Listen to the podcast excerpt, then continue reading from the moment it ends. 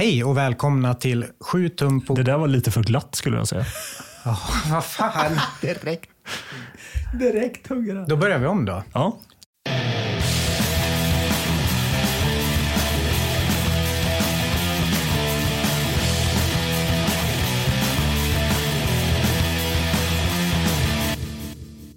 Hej och välkomna till podden 7 tum, Sveriges nyaste podd om hardcore. Jag heter Marcus Kjellman och jag kommer guida er igenom detta. Vid min sida har jag Fredrik Karlberg. Hur är läget med dig? Bara bra. Eh, tänk för de som inte vet, kan väl du berätta lite grann, eh, vem är du och eh, vad har du för bakgrund inom eh, hardcore-scenen i Sverige? Oh, väldigt bra fråga. Eh, lyssnat på hardcore sedan 96.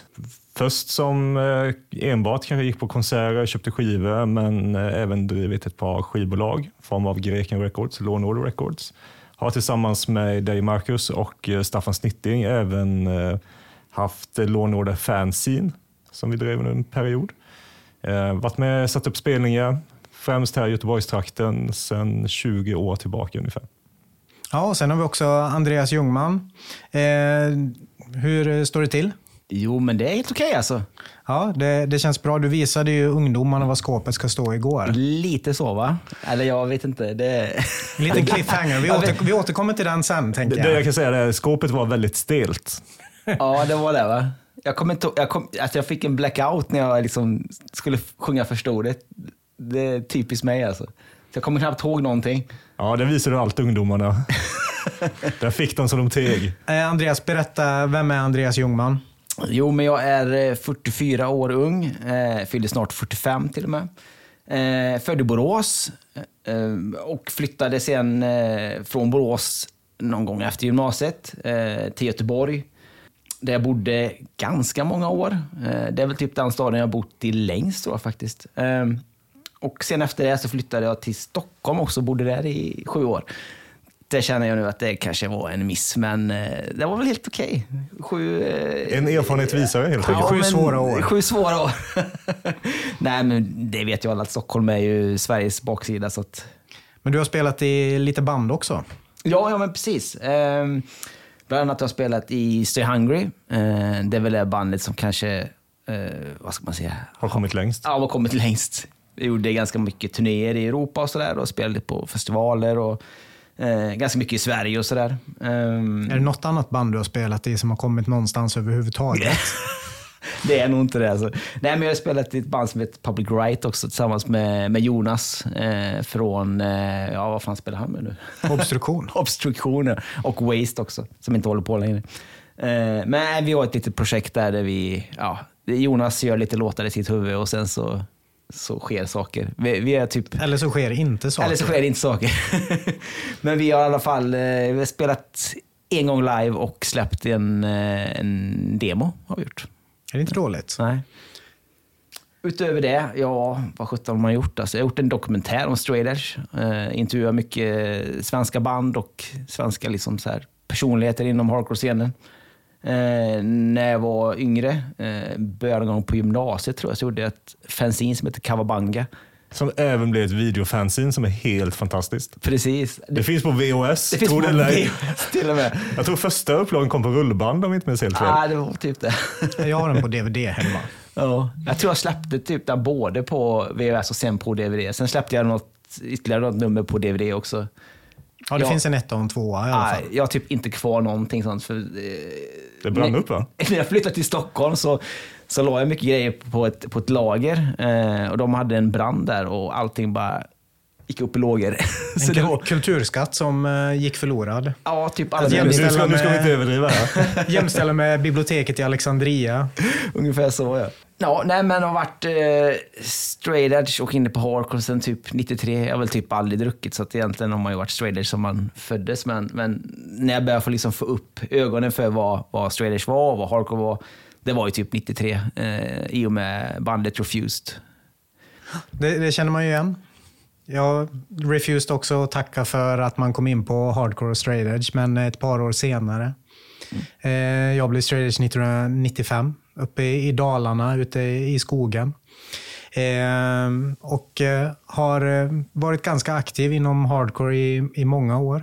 Eh, varit straight edge då också sedan 95 ja, och eh, Det jag gjort mest har varit inom fanzinvärlden. Gjort Bonafide fanzin och eh, Law and Order fanzin. Men också spelat i bandet Fuse. Där ju faktiskt vi tre spelar tillsammans nu. Får se om det tar sig någonstans. Det kommer det säkert göra. Up and beyond. Och hur, hur var det att göra ett fanzine med Fredrik Karlberg? Det, Måste varit extremt spännande om inte Inga, annat. inga kommentarer.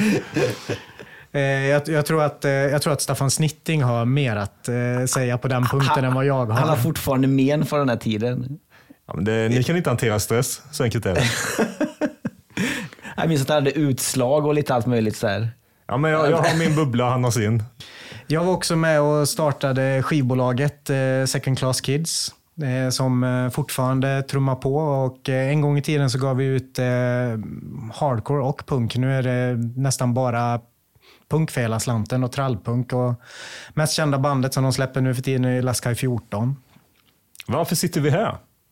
Ja, varför sitter vi här? Jo, det var väl så att eh, när Law and Order... jobbar. Fan, ja, vi är på Andys jobb.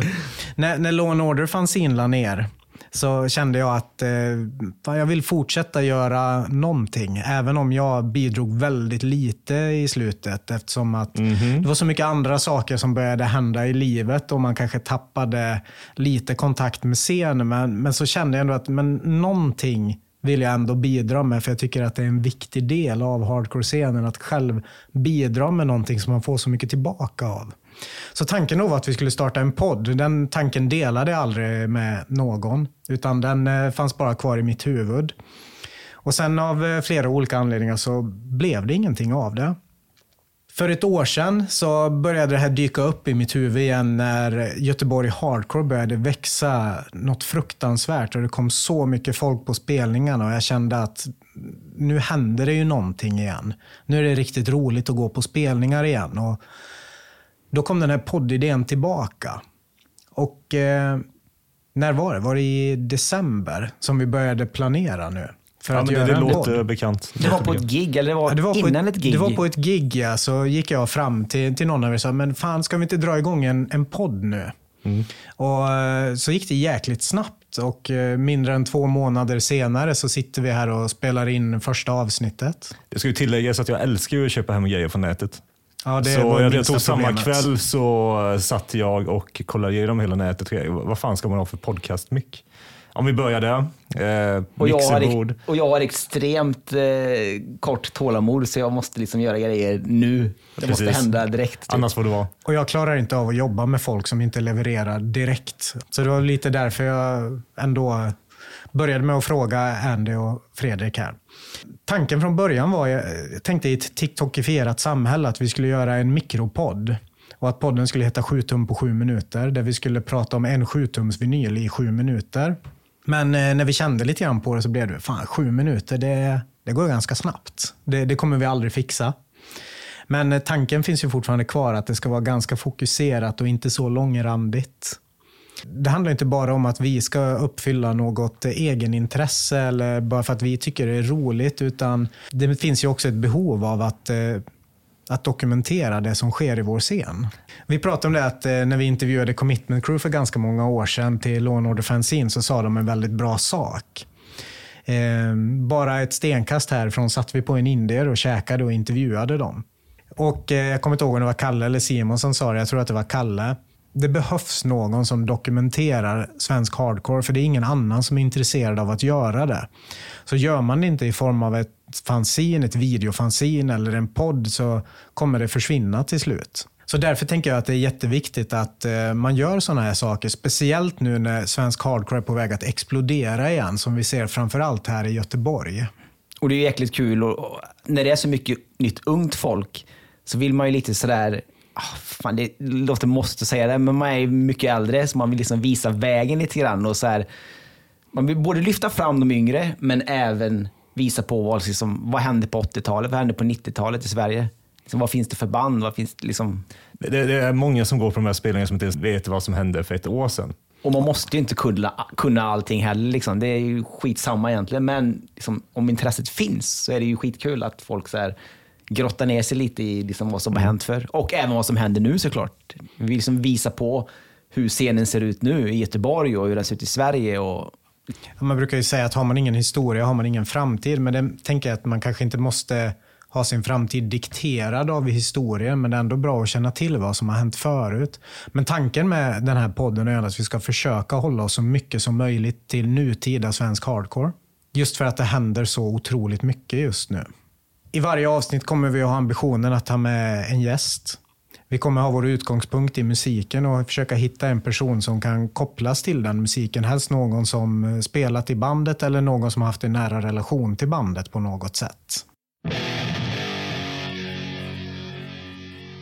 Ja, igår var vi på eh, spelning på fängelset här i Göteborg. Det var ju en eh, ganska härlig tillställning med tre band som spelade. Crybaby, Nowheres och eh, huvudbandet för dagens avsnitt, Bullshit. Sen skulle ju Norrbaggarna i Wait ha spelat också, men eh, ställde in med kort varsel. Vad tyckte ni om spelningen? Eh, extremt bra, skulle jag säga. Som det har varit de sista, ja, de sista spelningarna som Moral Panic har satt upp har ju varit riktigt, riktigt bra.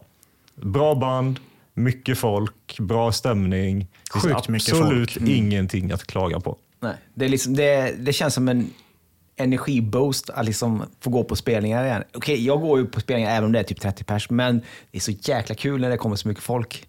Ja. Och det, eh, det känns lite också som det kanske är därför man sitter här också. Att man har fått den här lilla extra peppen som krävdes för att faktiskt ta tag i någonting. Ja. Och jag ser ju hellre att, typ att andra har kul än att jag själv har kul på ett gig. Precis. Det är mig mer liksom, faktiskt. Ja, att kidsen går igång på banden som spelar, Ja. det är fan eh, Man ser att folk skoj. inte bara går dit och ställer sig i ett hörn och med armarna i kors, utan Men igår var det inte bara kids där. Igår var det ju faktiskt ganska många med några år över 40 på plats. Mm. några mer än vad det brukar vara tror jag. Ja. Kändes det som. Jag tror Norrbaggarna skulle ha dragit ett gäng. Eller de drog ett gäng, men eh, de visste nog inte att de ställde in. Men de gick ändå ut med det, så att det borde ju folk Ja. ha haft koll på, tänker jag. Men man kanske hade bestämt sig för att gå på gigget och sen, ja men vi går ändå, även om de har ställt in. Ja, så kan det vara, helt klart. Men där stod vi och tog plats, kort och gott. Vad säger ni om banden som spelade då? Crybaby.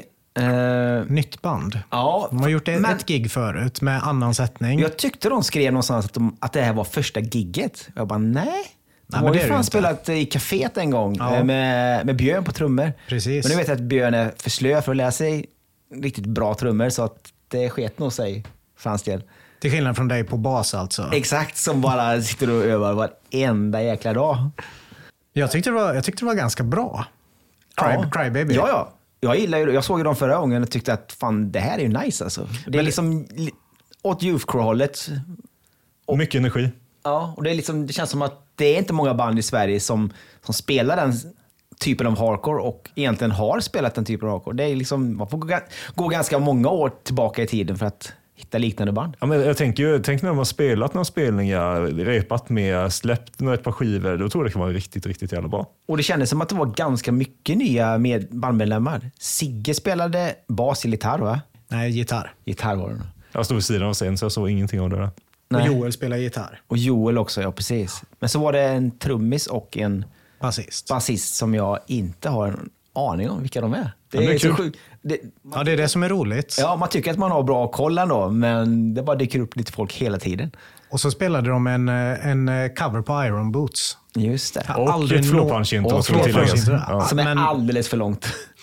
Det, Det, det, det, Det diskuterade vi i bilen hit. Eh, Flårpunch-introt är extremt jävla bra. Ja. Men det är på snudd för långt. Det är dubbelt så långt. Man tror att det ska vara slut nu och så bara maler det på.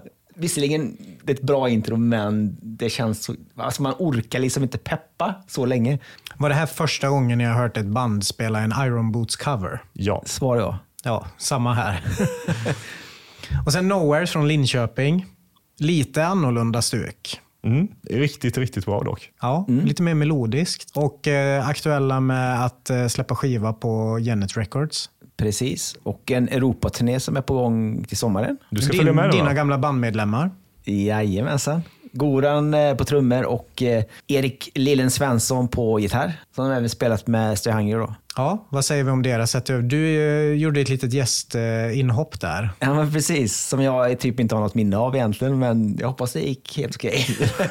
Ja, det var det vi nämnde Det, tidigare. det precis. finns nog dokumenterat om det inte finns annat. nog tyvärr det ja. För, för jag, alltså, när jag spelar live eller sjunger live, jag har så jäkla svårt att höra musiken. Jag bara är i min hjärna så att jag vet inte om det är tight, om jag liksom ligger rätt eller någonting. Och sen hör man när liksom inspelningen efteråt, ja men det ligger perfekt. Fast jag har inte en aning om Ja, du vad har det i som har helt hänt. enkelt. Och för de som inte var där så gjorde du vad då? Jag sjöng några rader på Negative Approach, eh, Tie Down. En Precis. riktig Bra låt. hardcore-klassiker. Ja, en dänga. Och idag ska vi ju diskutera Bullshit och deras eh, fantastiska sjua, men de spelade ju också live igår. Det är lika bra varje gång. Ja, Ja, sjukt bra liveband. Eh, det är någonting med Gabbe, hur han lägger sången och hur ta- jävla tajt det är hela tiden. Och ah, Det är mycket text alltså. Han sjunger så jäkla mycket, men liksom lyckas få liksom Och det bra frasering. bra frasering. Ja. Sjukt jäkla bra. Alltså. Man blir så jävla peppad bara av sången. Och sen, ja men de andra är ju grymma också. Kidsen älskar det också. Det, det, det är ju väldigt kul att se. Att eh, den typen av hardcore faktiskt går hem. Ja men precis. Det här, är ju, inte- det här är ju inte lättlyssnad hardcore egentligen. Nej, verkligen inte. Utan eh, det är ju ganska hårt. Ja. Och ganska stökigt. ja men precis. Och det, det verkar ju som kidsen gillar det. det är ju bara gött. Tänk att det Det finns, hopp, det finns hopp för Tänk framtiden. att ett band som Nowheres eh, kan ju vara mer lättlyssnat kanske. Ja. Ja, verkligen. Men mer sen så tror jag att eh, Bullshit har gjort lite av ett namn av sig och deras spelning i Göteborg. Och de är med liksom och arrar giggen och de är, Ja, men de syns. de är från finns Göteborg liksom. också. Ja men precis. Man kan se dem på gatorna liksom. Ja. Nästan runt. alla som var på giget igår hade väl kommit om Bullshit hade varit enda bandet som spelade. Ja, Ja. det tror jag med. Jag tror att om typ bara Bullshit hade spelat så hade de nog kommit 250 pers typ. Eh, Moral Panic kommer ju fortsätta, upp spel, fortsätta att sätta upp spelningar. Och eh, nästa ut är ju Speedway om en månad. Jag kommer, inte ihåg, kommer inte ihåg vilka fler det är som spelar. Into Deep och så är det ett band till. Det är tre band i alla fall vet jag. Men jag har fan ingen aning. Men det är inte Feels Like Heaven eller? Visst är det det va? Är det det? Eller? jag, tänker, jag tänker när Speedway, Speedway spelar, spelar Feels Like Heaven. Det kanske blir dem också. Ja, det skulle Ja. vara kul att se igen. Ja. Jag, jag var ju inte jätteimponerad senast, men sen när de har släppt eh, låtar så tycker jag att det är riktigt, riktigt jävla svinbra. Speedway. Nej, nu snackar vi Feels Like Heaven. Ja, man vet aldrig. Nej. Nej, Jag, jag tycker det är riktigt bra. Båda, båda banden är bra. Ja. Ja, Speedway gillar jag. Både live och skiva. Jag hade ju äran att få turnera med speedway i, var det november? Eller oktober kanske? Eh, I Europa. Och det är så jäkla bra liveband. Alltså, vi gjorde ju gig både med europeiska band men även med eh, Once a Closer och eh, Magnitude från USA. Och jag kan säga att nu är det, det är ju på svenska så att de kommer inte fatta vad jag har sagt här nu. Men fan, jag tyckte att speedway liksom sopar mattan med de amerikanska banden. Så jäkla mycket bättre live. Och det är ganska ovanligt tycker jag. Ja, Jag tycker ofta när det kommer hit amerikanska band och spelar så känner man att det, det är en nivå till. va? Precis. Det, det är ofta det man liksom märker att amerikanerna satsar så jäkla hårt. Jag vet inte vad det är, om de verkligen så här går in för, in, går in för att, liksom att repa stenhårt och sen verkligen, ja men nu ska vi bara röja som fan på scen alltså. Fa- Fast jag tror också att det har att göra med att de banden som vi ser från USA som kommer hit är ju band som turnerar mycket och har blivit tajta och duktiga musiker genom att spela mycket live. Precis. Och där, därför så, så blir det bättre live också. Det finns mycket band, så det finns mycket att plocka ifrån. Det finns även dåliga band i USA också. Liksom. Ja, men de ser vi aldrig här. Nej, precis. Av en anledning. Ja. Då tänker jag att vi går in på dagens tema som är Bullshit 7 Släpp på Quarantine Records för, kan det vara ett år sedan eller vad, hur länge sedan är det? Lite mindre va? Var det precis efter pandemin kanske? Eller Efter pandemin, man vet inte liksom. När var början, när var slutet? Eh, Jag är helt värdelös på datum kan jag säga. Jag vet knappt när jag själv fyller år. Så, eh, titta 8 inte på mig. juni. Det stämmer. När fyller min morsa år då? Ja, det har jag aldrig vetat. Nej, så- jag har ingen vet aning kan jag säga. Jag, jag vet när min dotter fyller år, när min eh, sambo fyller år. 7 juli. 7 juli, ja. Det stämmer bra. Alltså det här är helt... Det- 10 april på Andy. Oraklet. Ja, det är Saida här borta. Eh, det skulle tilläggas att eh, Marcus är liksom ett vandrande ficklexikon. Upp, uppenbarligen inte i det här fallet då, för jag kan inte riktigt säga när Bullshit 7 kom ut. Nej. Det, det ligger för nära i Det, tiden. det, det är födelsedagar och kungar och såna grejer. Ja, ja. Har jag för mig. Alla kungalängder, inga problem. Nej, Men precis. ja, finns det kopplat till någon diagnos det här? Eller är det Säkert. Bara? Säkerligen. Säkert. Ja. Särintresse. Men säg att den är släppt under det senaste året eller någonting sånt i alla fall. Ja. En fantastisk sjua. Jag tycker, eh, om man liksom får gå händelserna i förväg, att det här är den bästa svenska hardcore-skivan som har släppts på år och dagar. Har jag rätt när jag säger det? Ja. Ja. Eh, jag älskar ju 86 mentality. Och jag skulle fan De är inte... inte från Sverige. Nej, nej, men jag menar jag bara, bara som en liksom sidgrej att, att eh, de låter, alltså om man hade spelat upp bullshit och inte sagt att det var bullshit så hade jag nästan kunnat gissa på att det var 86 mentality. Fast bullshit är lite ösigare va?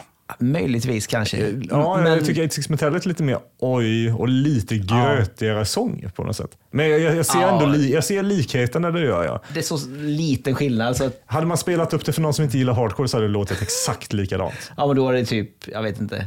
Fuse låter lite som Refuse nästan. Ja, i och för sig.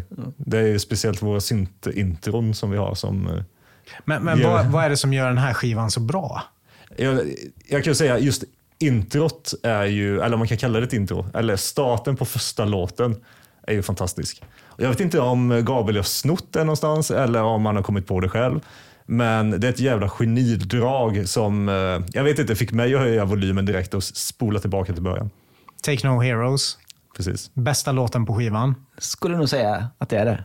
Bästa låten live också. Ja. Känns lite för kort nästan. Jag hade Ja, velat men haft, lite haft den singalong-grejen liksom flera gånger nästan. ja. Take no heroes. Jag vill ha mer gånger. Jag vill liksom peppa mer på det här. Alltså. ja man hade nog kunnat ta det en gång till. Det får jag faktiskt ge dig.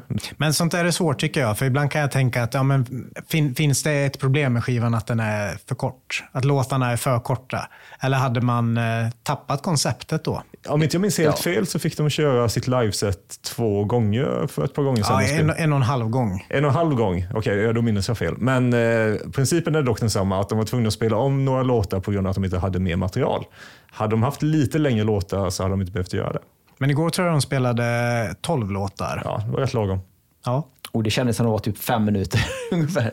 Ja, men ett hardcore-set ska... Det är väl, Max 20 då, minuter. då, då har man väl uppnått perfektion, har man inte? Ja, just När det. man spelar ett set som är en kvart eller något och det känns som fem minuter för att det är så jäkla bra. Ja. Faktiskt. Men vad tänker vi om skivan, hur den... Om man ska sätta den i lite perspektiv, i svensk hardcore eller europeisk eller hardcore eller hardcore överhuvudtaget. Eh, Det känns ju som att det är väldigt mycket tidiga Boston, tidiga New York i detta.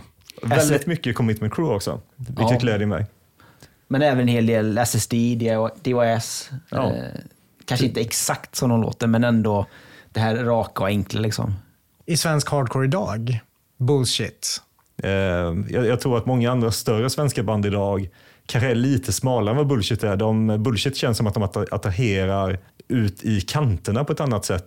Men borde det inte vara tvärtom? Därför att jag kan tycka att, att eh, bullshit är smalare i sitt sound. Ja, smal i sin sound men bredare i sin enkelhet. Det är lätt att ta till sig på något sätt. Ja. Det är inte nå, det är inga krusiduller, det är inget så här krångel. Det är, ja, men det är rätt fram, det är aggressivt och eh, lite den där naiviteten som vi brukar prata om att ja, men det är förbannat helt enkelt.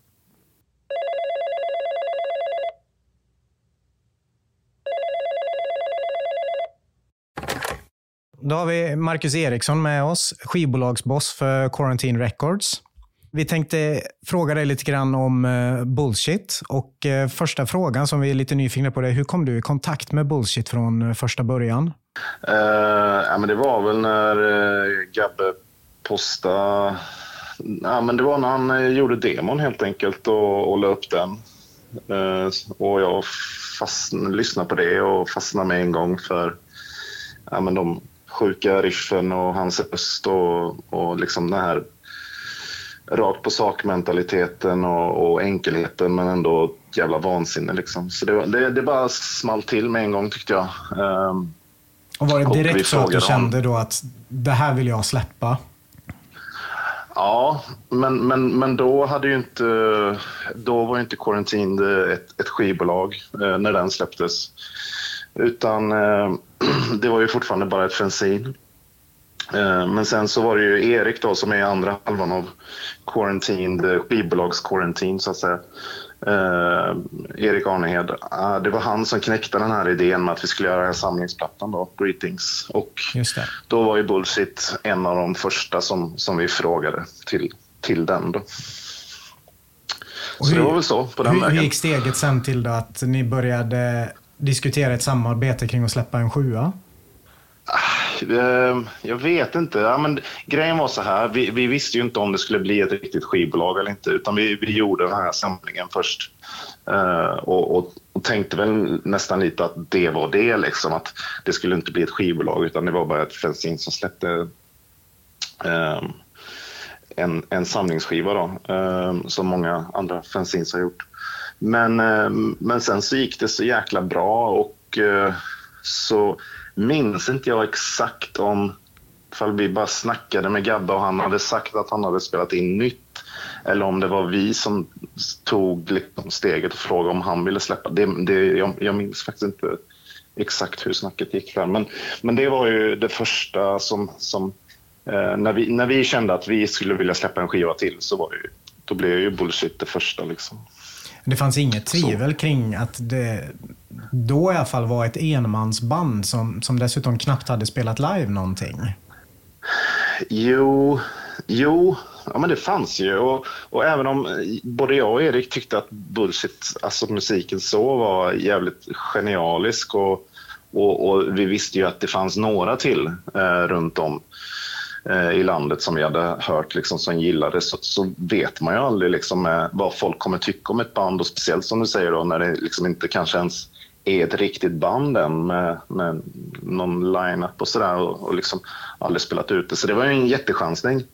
Men det var ju en chansning som slog väldigt bra ut, tänker jag, i slutändan.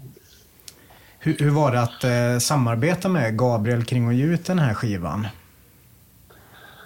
Uh, ja, men enkelt. Alltså, Gabriel är jävligt uppstyrd och, och enkel att kommunicera med och liksom så här, svarar alltid jäkligt snabbt och, och öppen för idéer. Så det, det har funkat hur bra som helst, tycker jag, eh, eller tycker vi. Och eh, jag hoppas ju att, eh, att Gabbe har samma känsla för, för vice versa, så att säga. Jag tänker du, du som skivbolagsboss och Erik också givetvis. När ni, när ni släpper ett band, ställer ni några krav på banden ni släpper? Eller eh, ehm, hur, hur funkar den processen? Nej, det har vi väl faktiskt inte gjort inte än i alla fall. Även om man, eh, man vill ju helst jobba med en viss typ av band, band som vill, som vill göra mycket saker, som vill ut och spela och som är driviga och pushiga såklart. Det, det är ju den typen av band man vill jobba med. Men, men först och främst så är det ju att man vill att vi tycker att de här gör riktigt jävla bra musik eller de här är Eh, så sjukt eh, liksom, feta live som det var med, lite med Big Babe när vi släppte dem. Då var det så att man verkligen gick igång på deras, när vi såg dem live. Uh, nej, men vi har inte liksom satt några krav sådär, men, men det kanske man ska, om, om, om liksom det fortsätter att växa och sådär, så kan ju det eventuellt komma in i bilden nu när vi ska släppa Xiao till exempel. De är ju sjukt drivna liksom och då, då sätter ju de en viss standard ändå som vi liksom kanske tycker att band som ska släppa skiva på Quarantine ändå borde sträva efter. Sen kan man inte ställa vilka krav som helst, men att man vill ändå se någon typ av ambitionsnivå. Liksom. Ja, men man, precis. Man kan ju ställa interna krav för sig själv. Ja, ja, ja precis. Nej, skivan som, som den blev, är du nöjd med den? Ja, jag är skitnöjd med den. Den är ju så här, alltså produktionen är ju jävligt så här skitig och punk, men, men den passar ju eh, soundet helt perfekt. Alltså det hade ju varit för jävligt om det var en så superproducerad, polerad skiva liksom. Utan den är bara, den är helt rätt. Sen, sen ska det ärligt sägas att jag och Gabbe och Erik var inte helt överens om, om omslaget.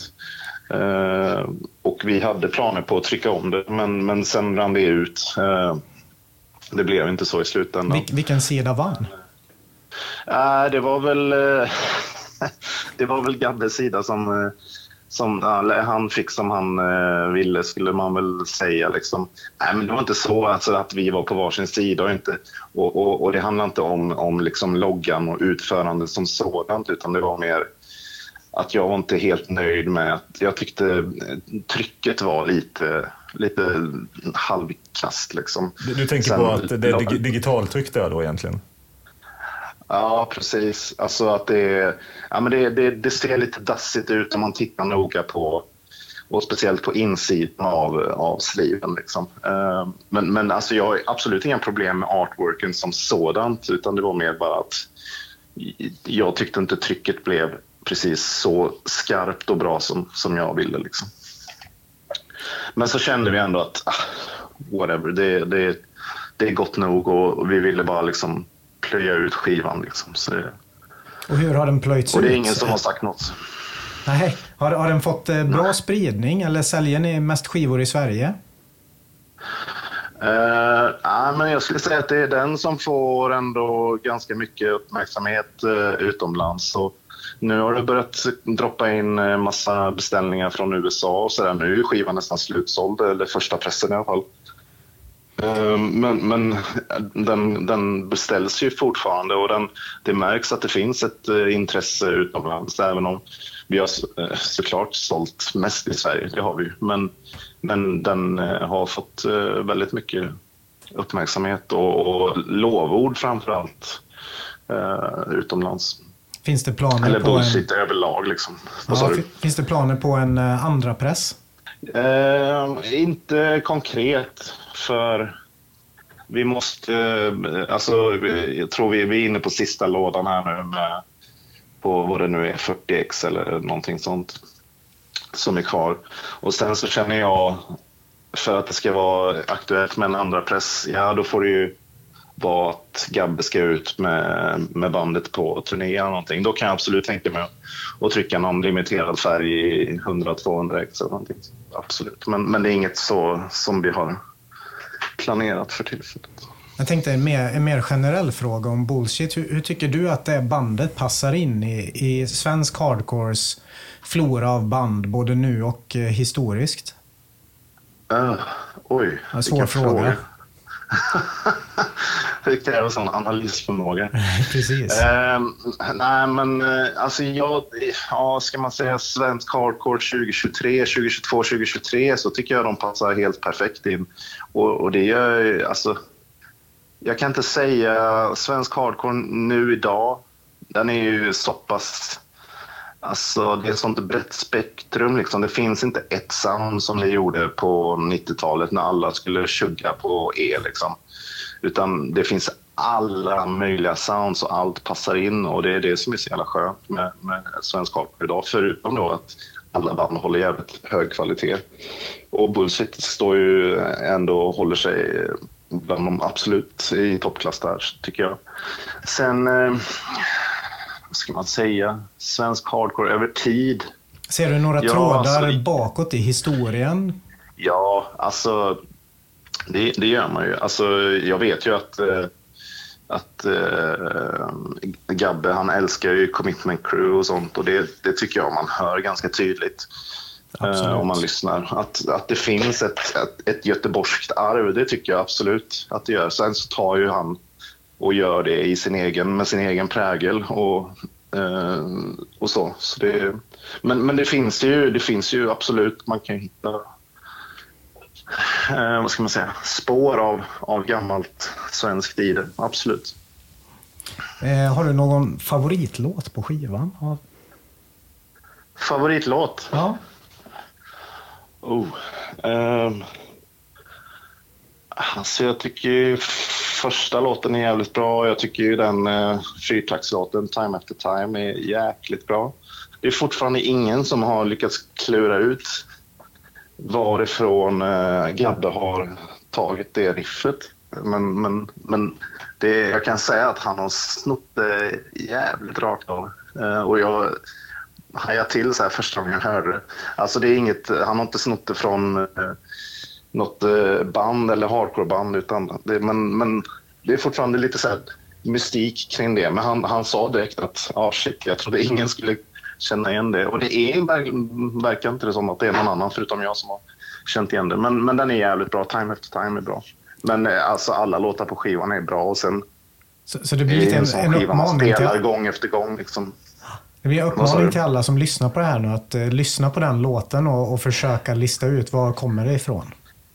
Ja, sen så tror jag i och för sig att man måste vara lite äldre eller ha ett...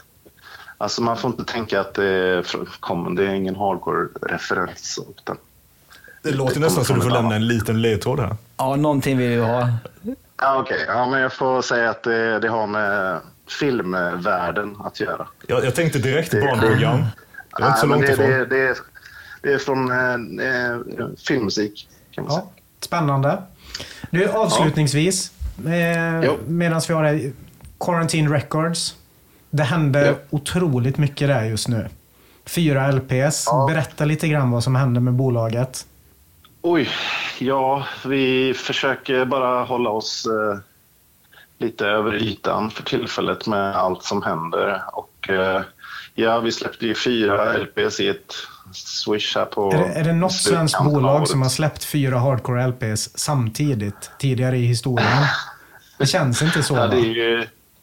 Nej, men faktiskt så, så gjorde ju D-takt och Råpunk gjorde ju just den grejen eh, här om året. Men det var väl inte fyra svenska band i och för sig. Men, eh, men de, de släppte fyra LPs med nya band på, på en och samma dag. Eh, och det var ju lite det vi, så här, vi, hade, vi hade tänkt. Vi visste inte, ska vi släppa dem en och en i taget eller ska vi bara köra som, som D-takt gjorde? Så det var ju lite inspiration därifrån. Men eh, nej, det är nog ganska unikt. Men, eh, och sen har vi ju nu nästa släpp, eh, Xiao eh, EP kommer nästa månad. Eh, och sen så håller vi på och jobbar på en eh, uppföljare på Greetings-kompen. Eh, och har väl pratat om lite andra grejer också, så det, det händer jättemycket. Men, Hur många band det- har ni man ska klarat hinna till? med det också. Hur många band har ni klarat till kompen?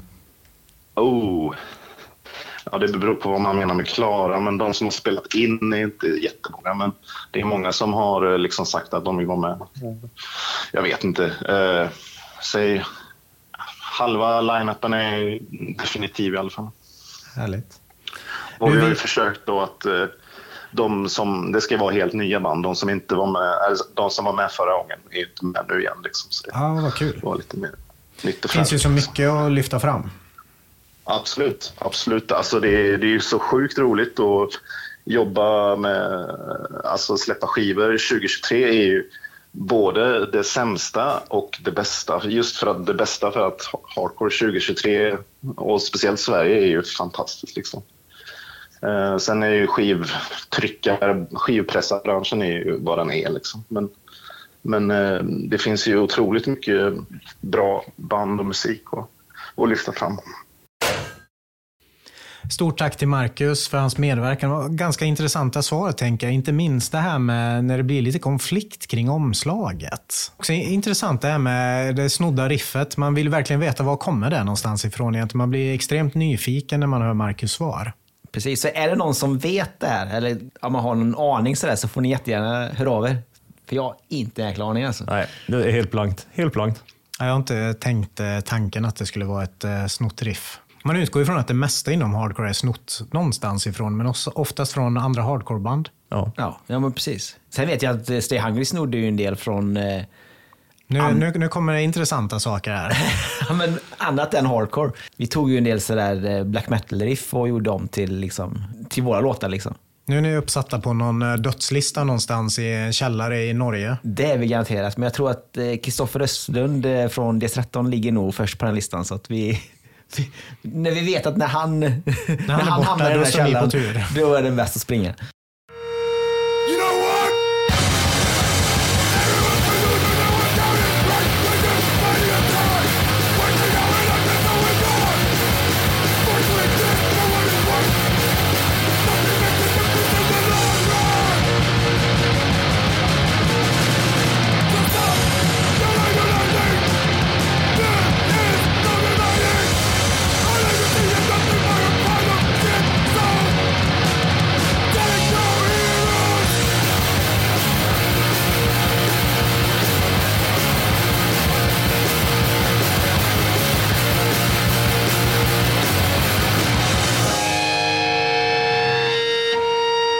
Filmens huvudperson är Gabriel Severi som sjunger i Bullshit.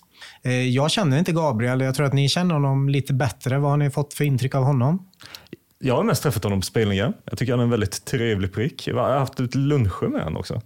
Eh, Eh, Jag inte, ändå, ja, Då det har du var varit eh, otrogen mot mig alltså. Ja, precis, men det, det var långt, det var den tiden du bodde i Stockholm Ja. och innan Jakob flyttade upp. Det är förlåtet. Nej men, eh, ja fasen eh, Gabriel. Jo men eh, han tränar ju väldigt mycket vet jag. Eller mycket vet jag inte, men, men han tränar styrketräning. Spel, gör man en låt om att träna, då, då är man nog en sån som är på gymmet. Kan jag tänka mig. Strong but ugly. Ja, Det stämmer ju inte. Han är ju, Skitsnygg, han är ju, han är ju fager Ja. såklart.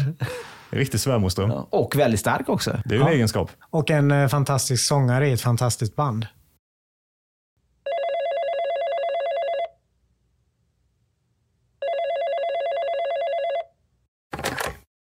Då säger vi hej och välkommen till Gabriel från eh, Bullshit. Och första frågan är, hur känns det att vara första gästen i podden 7 tum? Det känns eh, jävligt nice. Jag är jävligt taggad på eran podd överlag. Ni spelade ju igår med Bullshit här i, i Göteborg. Hur, hur har du hämtat dig från eh, gårdagens spelning? Eh, inte riktigt helt och hållet än, Nej, men jag det var en jävligt bra spelning.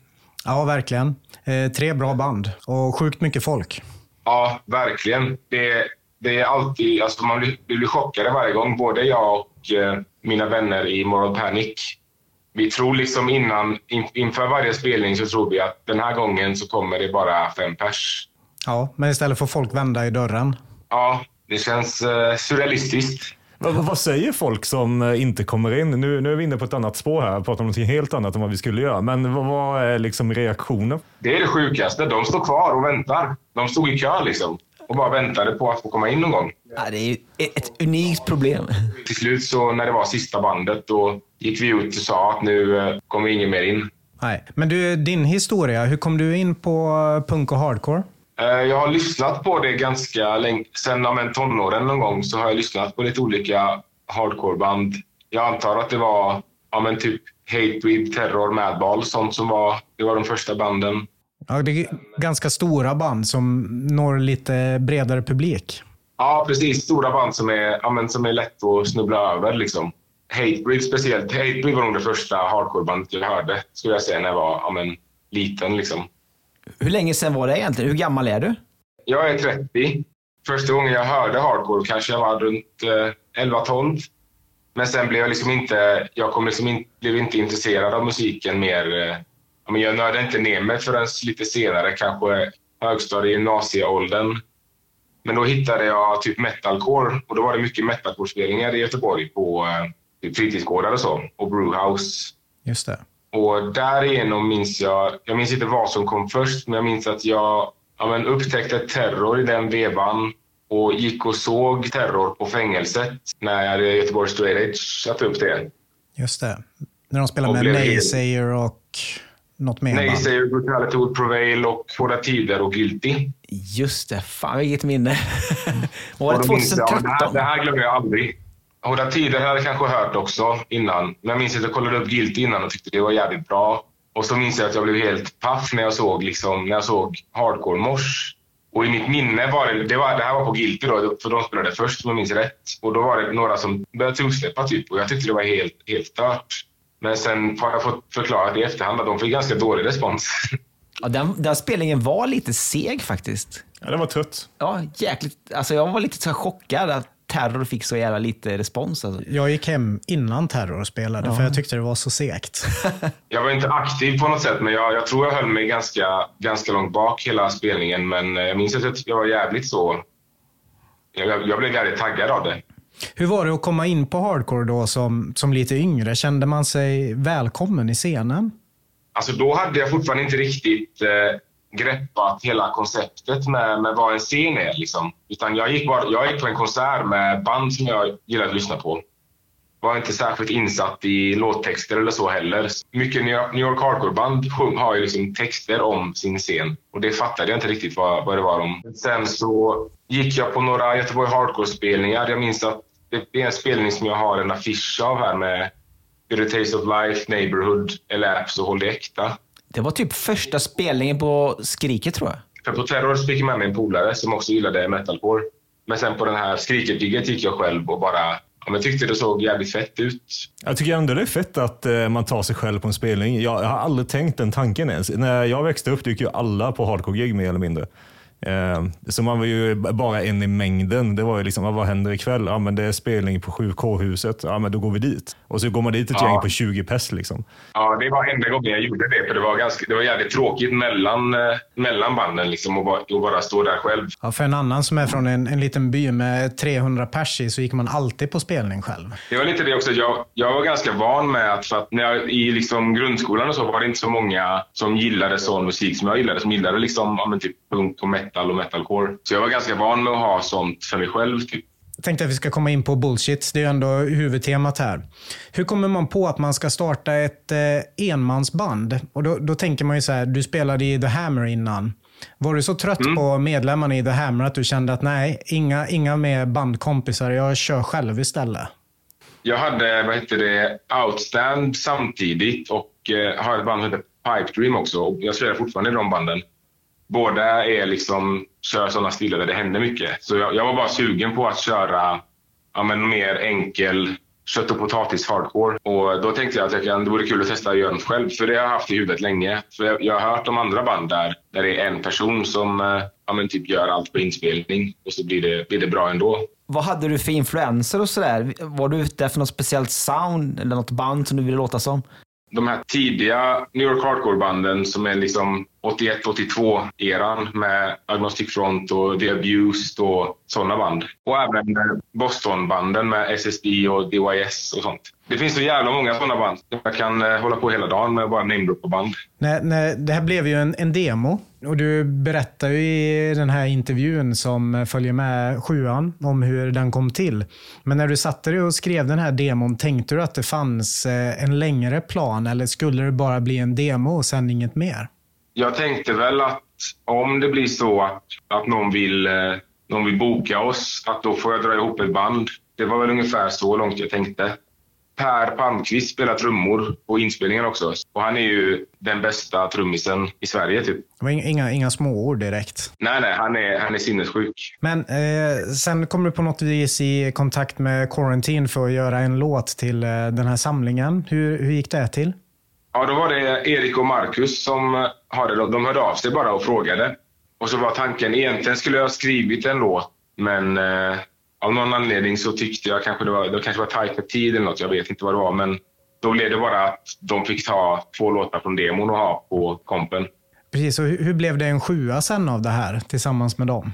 Ja, men då, så, då sa Marcus också att eh, om det blir mer material så släpper de det gärna. Och då hade jag ändå redan kanske börjat tvivla på nya låtar. Men hur, hur var det att skriva sjuan? Eh, Skilde det sig på något sätt från när, ni, eh, eller när du gjorde demon? Kände du själv att du tog det här mer seriöst helt plötsligt? Alltså, när, jag skrev, när jag skrev demon, då skrev jag på ett sånt sätt att ja, men om, jag, om jag hade ett riff så spelade jag det. Och sen kanske jag kom på ett, ett till riff som skulle komma efter. Och sen om jag inte kom, kom, kom på något mer, då fick det vara låten. Så jag, det var inte så mycket finjustering liksom, med demolåtarna. Men på sjuan försökte, då var det lite bland. Då var det några låtar som var så, men sen några låtar där jag försökte finslipa lite mer och göra det lite mer till riktiga låtar. Liksom. Fick du någon hjälp i processen när du skrev den här sjuan eller gjorde du det helt själv? Jag, gjorde, jag skrev låtarna själv och sen så får ju också, alltså Per får göra sin grej till stor ut, utsträckning på trummor. Där säger jag bara, ja men här vill jag ha ett sånt här komp och sen så får ju han göra fills och detaljer som han vill. Är det, tänk, tänk, är det fortfarande ett enmansband eller har ni en, en sättning nu? Nu har vi en sättning för att eh, från början var det tänkt att jag skulle försöka ta in olika folk som ett kul sätt att ja, men, bara involvera folk i band och så. Men eh, nu är vi en ganska fast sättning på eh, jag och Per då och så är det Joel på bas och Axel och Josef på gura. Hur funkade samarbetet med Quarantined? Det funkade väldigt bra. Vi har intervjuat Marcus här eh, innan. Så att han Ja. har fått berätta lite grann om eh, hur eh, de kom på idén att de ville släppa er och hur de såg på ert samarbete. Han sa att det fanns eh, en liten skism kring eh, omslaget. Ja, vad fan var det nu igen? Jo, det var att jag gjorde omslaget ja, medvetet väldigt så här, grusigt. Typ. Jag höll på att göra det i biblioteket och liksom skriva ut och kopiera det om och om igen samtidigt som jag la på massa liksom, grusiga filter i Photoshop också. Så det blev jävligt, eh, jävligt grusigt i eh, texturen. Och det blev inte så bra i tryck sen. Nej, det var lite det han pratade om. att eh, han tyckte, han, han, Det var ingenting kring eh, själva layouten utan mer kring trycket. Ja, precis. Jag tror att jag gick lite för långt där med, eh, med texturen. Vad var tanken med layouten på skivan? Den skulle vara enkel och den skulle ja, men efterlikna lite de 80 80-talsbandens utseenden. Ganska så, lite klipp och klistra-känsla. Handritat liksom. Blandat med enk, bara enkla former. Jag tänker, käns känslan som man får när man eh, lyssnar på skivan och man läser texten är ju, är ju en, det är en ganska negativ känsla. Eh, att det är nästan på gränsen till nihilistiskt och misantropiskt eh, i vissa stunder. Och sen har man den här smileyn på omslaget. Fanns det, fanns det någon tanke där kring att skapa en kontrast eller? Ja, men det är ett sikte på smiling. Så, så det förstärker den negativa känslan ytterligare? Ja, precis. Att, eh, ja, men det finns inte så mycket att vara glad över. Sen är jag ganska glad överlag ändå, men Det gäller ju att skapa sig rätt image här när man släpper en sjua. ja, det gäller ju ha, det är det, det gäller att ha, jag ville ha en symbol som var enkel men som ändå var talande. Ett exempel det är ju låten The Joke. Eh, funderar på, handlar den om ett särskilt band? Eller är det mer en generell betraktelse? Det är mer en generell betraktelse av en en typ av person. Berätta lite. Nej, men det handlar om eh, folk som kommer in i hardcore och ser det, ser det som en självklarhet att det är deras och det är något där de kan göra vad de vill. Fast det handlar inte nödvändigtvis om det. Eller det krävs ändå det krävs att man eh, ger mycket innan man får ta. Liksom. Ja, men typ innan man liksom ska börja ändra på saker inom scenen, typ, och, eller hur det ska vara på gig. Eller... Ja, precis. Det handlar om posörer. Men om vi ska gå vidare lite. Eh, hur har skivan mottagits? Eh, ja, I Sverige vi vet vi, men i utlandet och sådär. Eh, hur har det varit i Europa? Eh, ni har ju varit i England och spelat bland annat. Vi har varit i England en weekend och har vi kört där. Men sen utöver det har vi inte spelat något utomlands. Är det bara liksom i Sverige som, som folk är peppade och England kanske? Fick faktiskt ett mail från en snubbe i USA nyligen som vill släppa det där. Vad är det för bolag? Är det någonting man känner till eller är det något helt okänt? Det är Rebirth Records heter bolaget. Det drivs av han som har FOA-fest. Okej. Ah, nice. Mm. Hur långt har ni kommit i den processen då? Eller är det bara... Det är fortfarande bara mail, mailväxling, så det, det är väl inte, jag kan inte säga att det är helt 100 procent. Liksom. Men det verkar som att eh, det kommer bli något, vilket känns jävligt kul. Hur, hur eh, ser planerna ut i övrigt? Ska ni försöka komma ut och spela mer? Nej, alltså vi har liksom inga konkreta planer, utan det är mer att om någon hör av sig och vill att vi ska komma och spela så får man göra det, men vi har liksom inga turnéplaner eller så. Igår spelade ni två nya låtar. En långsam och en snabb. En jäkligt snabb låt. Vad är ambitionerna med att eh, skriva låtar framöver och är det någon särskild progression i soundet som, är, du- som du är ute efter? Tanken är väl ungefär fortsätta så som vi har gjort, men jag hade, det hade varit kul att skriva, försöka skriva en LP då till exempel, eller något lite längre.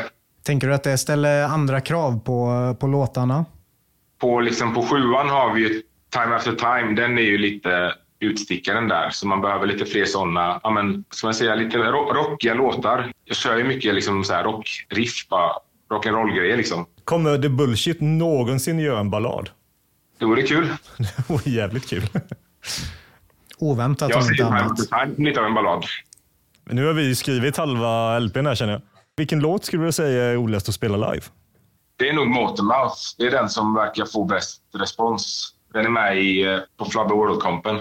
Vi, vi satt här och gissade innan. Då tänkte vi kanske att det skulle vara Take No Heroes som var roligast. Eller kanske Fuck You-låten. Fuck You-låten är den är tråkigast för mig, för den är, det är så jävla mycket sång på den. Men den får bra respons. Ja, det får den. Men med tanke på att eh, du spelar ju flera instrument och du sjunger ju även på skivan. Eh, live, vilken position står du helst på? Överlag tycker jag det är roligast att spela gitarr. Det är, liksom, det är min, eh, min, min huvudgrej. Då känner du dig som mest bekväm liksom? Det är inte att vara frontman kanske som är... Nej, jag tycker, jag tycker det är jävligt kul att sjunga också. Men eh, om, jag ska, om jag måste välja så skulle jag ändå välja gitarr. Att eh, sjunga, är det någonting som du känner att du behövt eh, växa in i? Ja, absolut. Jag vet ju liksom själv vad, vad jag uppskattar hos en frontperson när jag ser ett band. Göteborgssoundet betyder ju egentligen något helt annat, men för oss så kanske det är någonting i detta sammanhanget som Commitment Crew var väldigt starka med. V- Vad känner du? Ja. Hur har de influerat det? De har jag såklart eh, tagit med förut. De är också en stor ins- inspiration. Jag har tyvärr aldrig se dem, utan de, de hade sin sista spelning ja, men kanske precis innan jag kom in i scenen. Liksom. De var och tittade på er igår. Ja, jag såg det. Det var jävligt kul. Kalle och Rickard var där i alla fall. Ja, Rickard känner jag lite. Han har jag träffat på förut. Men Kalle har jag nog aldrig pratat med. Ja, Han såg nöjd ut. Rickard var mindre nöjd. Jag lurade ju han att, eller lurade gjorde jag inte, men jag så fel dag. Han skulle åka så här sidningslopp till Vasaloppet. Eh, och jag lyckades säga att det var eh, idag då på söndag. Och det trodde han, men det var igår loppet var så han... ja, tog helt, han var inte jätteglad igår. Jag stod vid loppet och undrade var han var någonstans. Förutom Bullshit så är du aktiv. Du har ju fler band som du nämnde innan. Eh, jobbar ju mycket med Moral Panic. Eh, hur ser framtiden ut om man ju bortser från Bullshit? Framtiden ser väldigt ljus ut. Vi håller på att skriva nytt med Outstand. Vi släppte precis två nya låtar som finns på Bandcamp och Youtube och kommer upp på Spotify snart. Och sen så håller vi på att spela ett band som heter Into Deep också, där vi också håller på att skriva, skriva nytt. I alla fall en låt som förhoppningsvis kommer ut i år. I år alltså, det är ambitiöst. Vi är i februari just nu. Ja, men jag vet inte riktigt, men jag, jag gissar på att det, det kan hända att den kommer ut i år, men jag, jag kan inte lova något. Okej, så det är väldigt, väldigt långsiktiga planer då, ska man kunna säga. Vi ska, vara med på, vi ska vara med på en skiva med en låt. Mer än så kan jag nog inte säga. Kan det vara en eh, quarantine comp? Det får du eh, fråga Marcus. Det- det- vi tar det med skivbolagschefen där sen. Nej, Marcus nämnde nämligen att eh, de hade lite framtidsplaner på en ny komp där nya band skulle delta och att det inte var eh, några tidigare band som eh, skulle medverka. Ja, men det kanske är det. Så jag, syftar på. jag gissar på att eh, det, det kan vara detta han pratar om. Ja.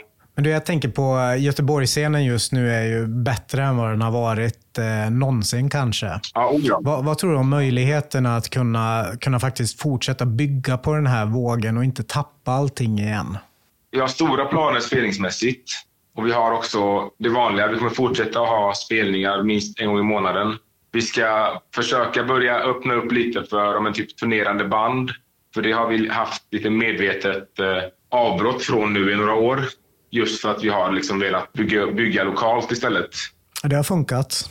Sen, ja, sen vill vi, vi vill fortsätta vara på fängelset i den mån det går. Alltså lokalen där, är den egentligen för liten nu? Det börjar ju gå mot det, men det är så mycket fördelar med den lokalen som är svårt, så den är väldigt, den är väldigt svår att ersätta med någonting. Eller väldigt, det är väldigt svårt att växa därifrån, men alltså om det är så att vi kan ta in liksom 500 pers, då får vi väl bara kolla på andra möjligheter. Men som det ser ut just nu ska vi fortsätta vara på fängelset. Hade man kunnat eh, ta bort den lilla scenen och köra på den stora scenen där folk ställer backline och lägger väskor och allt annat? Just nu så har vi ju liksom, vi bygger ju en scen utifrån eh, mindre stendelar. Och där kan vi ju styra hur eh, bred och djup och så scenen ska vara. Så vi har diskuterat om att eventuellt köra någon spelning på den stora scenen, men med en liten stage dive-hylla. Ah, framför den stora. smart. Nej, det hade varit jävligt kul att testa. Hur ser du på möjligheten att få många av de här unga kidsen som kommer på spelningar nu att börja engagera sig i scenen också? Till exempel genom att göra fanzines eller spela i band själva? Det känns väldigt bra just nu. Vi håller på, alltså vi uppmuntrar ju alla att eh, starta egna band och det har börjat hända. Det är många nya band på gång nu. Och eh, samma sak med fanzines och jag gör ju liksom alla affischer för våra spelningar men jag försöker få flera att, ta tag i det också liksom. Det vi håller på med är inget, det är inget jättesvårt. Det är bara, det handlar bara om att vilja göra det liksom. Men hur ser intresset ut? För jag tänker, förväntar sig ungdomar idag bara kunna gå på en spelning och sen gå hem? Eller finns det inte intresse av att medverka och spela i band och göra fanzines och allt annat som finns där runt omkring? Jo, men det gör det. Vi har ju också, alltså, det är ju många som kommer dit in, långt innan öppning bara för att hänga och som vill hjälpa till. Och vi har ju också tagit in eh, nya medlemmar i arrangörsgruppen liksom, för att sänka medelåldern lite. Vad krävs av ett band då för att de ska få spela hos eh, Moral Panic? Eh, man ska spela hardcore som går att morsa till. That's it. Man ska gå på spelningar också. Speciellt när det kommer till, liksom, om, man är, om man är från Göteborg och tycker sig spela i ett hardcoreband, då ska man också gå på hardcore-spelningar. Så man kan inte bara komma när ens eget band spelar? Det är band som hör av sig till oss ibland och vill komma och, vill komma och spela. Om inte vi vet vad det är för personer i bandet så kan vi liksom inte riktigt säga... Eller vi brukar alltid svara kom på en spelning och snacka med oss så, så styr vi det liksom. Har, har det hänt någon gång att de faktiskt kommit hit? Det har inte hänt att de har kommit och snackat med oss om det, men sen är det svårt att säga om de har kommit på spelningen. Troligtvis inte då med andra ord. Nej, precis. Men vi är, liksom, vi, är upp, vi är alltid öppna för att boka band, speciellt om det är nya band. Det är alltid bättre att komma fram och tjata på oss på riktigt liksom, istället för att bara mejla eller skriva på Instagram. Stort tack till Gabriel och svarar bra på våra frågor. Ja, väldigt bra. Och vi har lärt oss eh, mycket nytt om eh, Bullshit, allas eh, favoritband från Göteborg. Alla har lärt sig någonting nu. Även de som lyssnar också såklart. Och vi har lärt oss att eh, skivan snart är slutsåld, så de som inte har köpt den har ganska bråttom att köpa den. Och vi har lärt oss att Sista den lådan kanske kommer kvar. på färg också ifall de turnerar. Så kanske skulle försöka få ut dem på vägarna igen. Ja, precis. Men vi var, vi var lite chockade över att den inte har sålt slut än faktiskt. Ja, det känns lite konstigt med tanke på att den bara är pressad i 300 x tror jag. Köper folk skivor längre eller? Eller att folk inte köper singlar utan man köper LP-skivor. Om man nu köper. Men det börjar bli dags att avrunda nu. Eh, första avsnittet inspelat. Eh, vi gör ju det här under namnet 7 tum, men eh, försöker man hitta oss på några sociala medier så är det inte lönt att söka på det, utan då får man söka på Law and Order Crew på Instagram. Jag skrev att det är Sveriges eh, äldsta straight edge crew. Kan det stämma? Definitivt. Och typ enda kanske. Alltså i Sverige Kanske i alla fall. enda. Va, vad är Law and Order då? Nej, men det är väl ganska löst sammansatt gäng typ. Ja, jag skulle säga att vi är väldigt tight Ja, vi- sammansatt. Ja. Eh, jag, skulle nog snarare säga att vi är ett gäng kompisar som, som känt varandra eh, 20-25 år. Ja, Ja, men något sånt. något sånt. Och eh, vi är straight edge allihop. Och vi har fortsatt vara straight edge allihop. Hur länge har Law Order funnits? Det måste ju vara 15 år. Kan Ja. det vara något sånt? Men eh, Law and Order, det är ju inte bara liksom ett gäng kompisar, utan det är ju det är mycket mer. Det har ju varit eh, skivbolag och, och festivaler och eh, Fanzine. fanzine inte minst kanske. Kanske där de flesta känner igen namnet ifrån. Ja, och eh, så vill man hitta oss, sök på Law and Order Crew på Instagram. Och eh, följ oss gärna där för att se uppdateringar kring podden och lite andra grejer. Jag tänker att Law and Order är väl, man kanske kan också beskriva det som ett paraplynamn för olika saker som vi tar oss för och gör. Olika konstnärliga projekt som vi ger oss in i. Vi är så jäkla Kroki och sånt konstnärliga. där. Liksom. Poesi och... Det låter som, eh, som någonting du skulle kunna syssla med Nej, faktiskt. jag- spoken word är det som gäller för min del. Just det ja. Ja, fan stand-up-komiker alltså. Det är någonting Nu, som... nu börjar det spåra ur. Jag tänker vi tar och avrundar och eh, säger tack och hej för den här gången.